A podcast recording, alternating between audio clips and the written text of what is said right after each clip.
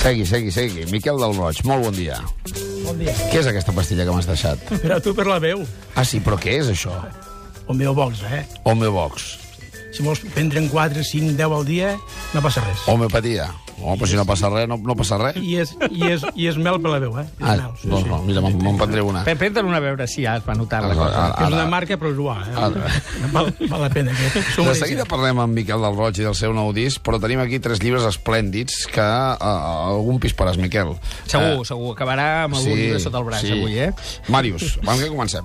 Molt bé. Avui, mira, començarem a fent-nos ressò de la Setmana de la Poesia de Barcelona que comença avui i, per tant, començarem recomanant un llibre de poesia il·lustrant-lo amb una poetessa d'aquestes que canta, la Sílvia Pérez Cruz.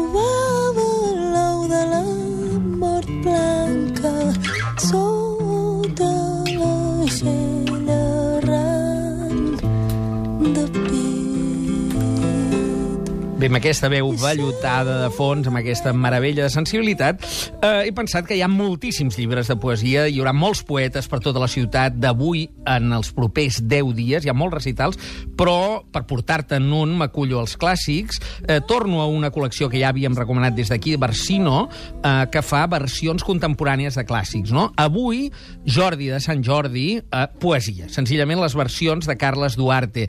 Eh, di, de Jordi de Sant Jordi dir que era un poeta de l'època d'Ausiàs Marc que encara escrivia en provençal, en occità. Per tant, aquí trobem en el llibre la seva obra poètica eh, molt relacionada amb l'amor i només en farem un tast perquè es vegi en el català contemporani, diguem ja, escrit del Carles Duarte.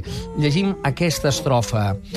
Porto sota el front el vostre vell semblant i en fa el meu cos nit i dia gran festa, que contemplant la molt bella figura del vostre rostre me'n queda l'empremta, que ni la mort se'm- s'esvanirà la forma, ans quan seré del tot fora del món, els que el meu cos portaran al sepulcre, sobre el meu rostre veuran la vostra ombra.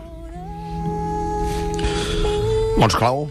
Aquí el mot clau amb totes les lletres és poesia, així és com es diu aquest volum que recomanem de Versino de Jordi de Sant Jordi, però també amor, honor, dona i trobadors, que són els poetes de Avui, l'època. avui en tenim un de molt bo de trobador, eh? Miquel bo, del Roig. bo, De bo. molt bo, sí, que jo t'he vist, que fots uns maratons de concerts, Perquè m'estimes molt. dues hores i mitja, Sí, dos amics, sí. sí. i aquest disc, i aquest disc que, que avui ens presenten és, és resultat de què? De la necessitat de dir... Sí, perquè quan, quan faig concerts toco sempre a, a gust de la gent. Uh. -huh. Ara he fet 10 cançons que són a gust meu. Molt bé. I és com, com un regal que faig jo a la gent, perquè de, de cèntims ni un duro. Què dius? No, els discos, ja està clar. Pues escolta'm, si els comprem? No res, 10 euros. 10 euros. No, no, 10 euros val tot el disc. No? Ah, escolta'm, uh, seguirem parlant. Mm, Ets un dels homes, jo penso que més estimats de, de tot Catalunya, sí. voltant a qualsevol festa major, qualsevol trobada que, que et reclamen. Al mateix temps és una música que, que va impregnada d'ideologia. No cantes perquè sí, ni, ni cantes qualsevol cosa. Has vingut amb una guitarra, de manera que ens cantaràs, uh, entenc, en el programa d'avui. Algo del Bruce, va bé? Algo del, no, algo, de, algo del Miquel del Roig, aquelles coses que fas tu, que, La farola o- que em barreja el Guardiola amb el, Ah, sí? amb el Mourinho i amb, i amb no sé quanta Sí, gent, eh? bé, sí. Allò, em va, allò em va perfecte. Com és? Com és aquell trosset? Sí, n'hi ha diversos, eh? Ah, sí? Sí. A veure, a veure, què, què tenim? Què vols? De Guardiola? Per on vulguis. Del rei? Del rei, va, vinga, del rei. Hòstia, no. Forts. Pot anar a la presó, sí. Doncs va, del Guardiola, aviam. Aviam, aviam. ¿Qué culpa tiene el tomate que está tranquilo en la mata? Y viene un hijo de puta y lo mete en una lata y lo manda pa Caracas. Això és versió dels anys 60, Víctor Jara. Mm. Però si fos viu, Sí. diría, ¿qué culpa tiene el elefante que está tranquilo en Botswana? Y vienen y lo mete en una, no, y le mete una bala y lo manda pa Barajas.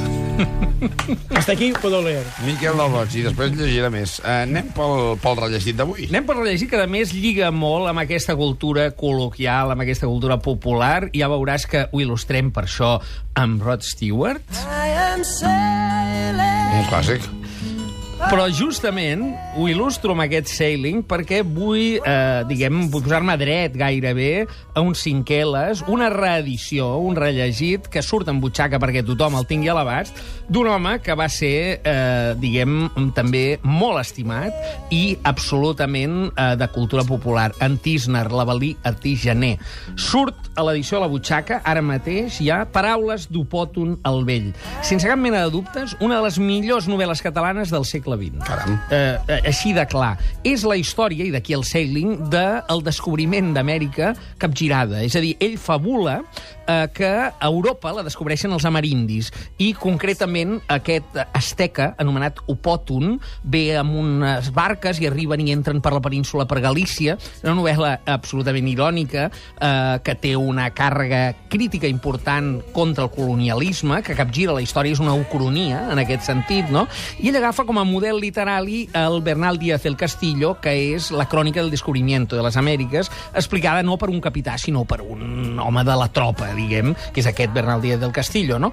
Uh, L'Opòton és un home de la tropa, però és asteca. Llavors ell fa el joc de que aquesta novel·la està escrita en nàhuatl, diguem, i explica el descobriment del nou món, que és Europa, per part dels veritables eh, eh, colonitzadors que són els mexicans, no?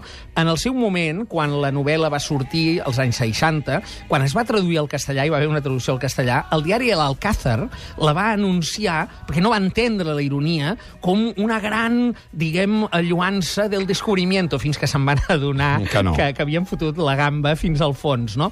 L'any 92 va, va tornar a ser reeditada a Mèxic en la seva edició en mexicà, que deien Tisner, eh, per les editorials mexicanes, una mica com a antídot als fastos del quinto centenario, i bé, ara la tenim aprofitant que és el centenari del Tisner, que el 28 de maig farà 100 anys del seu naixement, eh, la butxaca reedita aquesta novel·la, perquè en Tisner és algú molt conegut aquí per les seves intervencions a la ràdio, els mots encreuats, és a dir, per moltes coses anecdòtiques, però també va ser un gran novel·lista, té set novel·les importants, de les quals la millor, sens dubte, Paraules d'Opòton el Vell. Un gran moment per Les entrar... memòries també són espectaculars, del Tisner, eh? Certament, el viure o veure és el que, el que ha estat més llegit d'ell, no? Però ja és no ficció, Ja. per entendre'ns, és una mica el seu periple, no?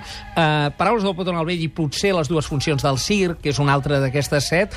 En fi, uh, aquesta, com a mínim, ara aprofitant que la teniu a l'abast, en aquesta edició la butxaca, un rellegit d'aquests de primera línia, de 5 L's, Avalí Artigener, Tisner. Mots clau. Mèxic, però també aventura, colonialisme, Europa i descobriment. La casa que vull, que la mar la vegi. Aquest és Miquel Gil. Sí, senyor, avui fem un periple per tots els bons cantaires, eh? Sí. I a veus, el, el Roig ja la sap, aquesta, també, eh?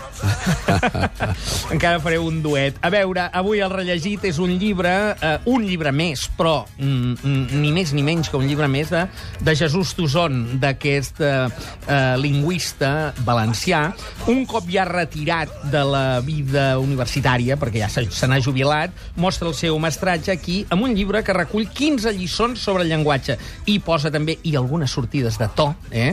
perquè no s'està de dir les coses pel seu nom.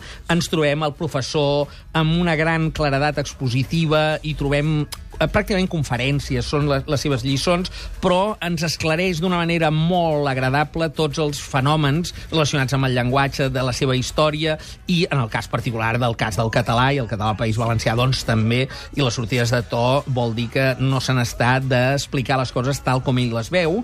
Això li acaba de- d'editar ara, ara llibres, i és una nova, eh, diguem, aportació a l'extensa ja bibliografia d'un dels històrics de la lingüística, juntament doncs, amb Joan Solà o Sebastià Serrano. No? Jesús Tossón, 15 lliçons sobre llenguatge i algunes sortides de to. Màrius, moltíssimes gràcies. A Valtros,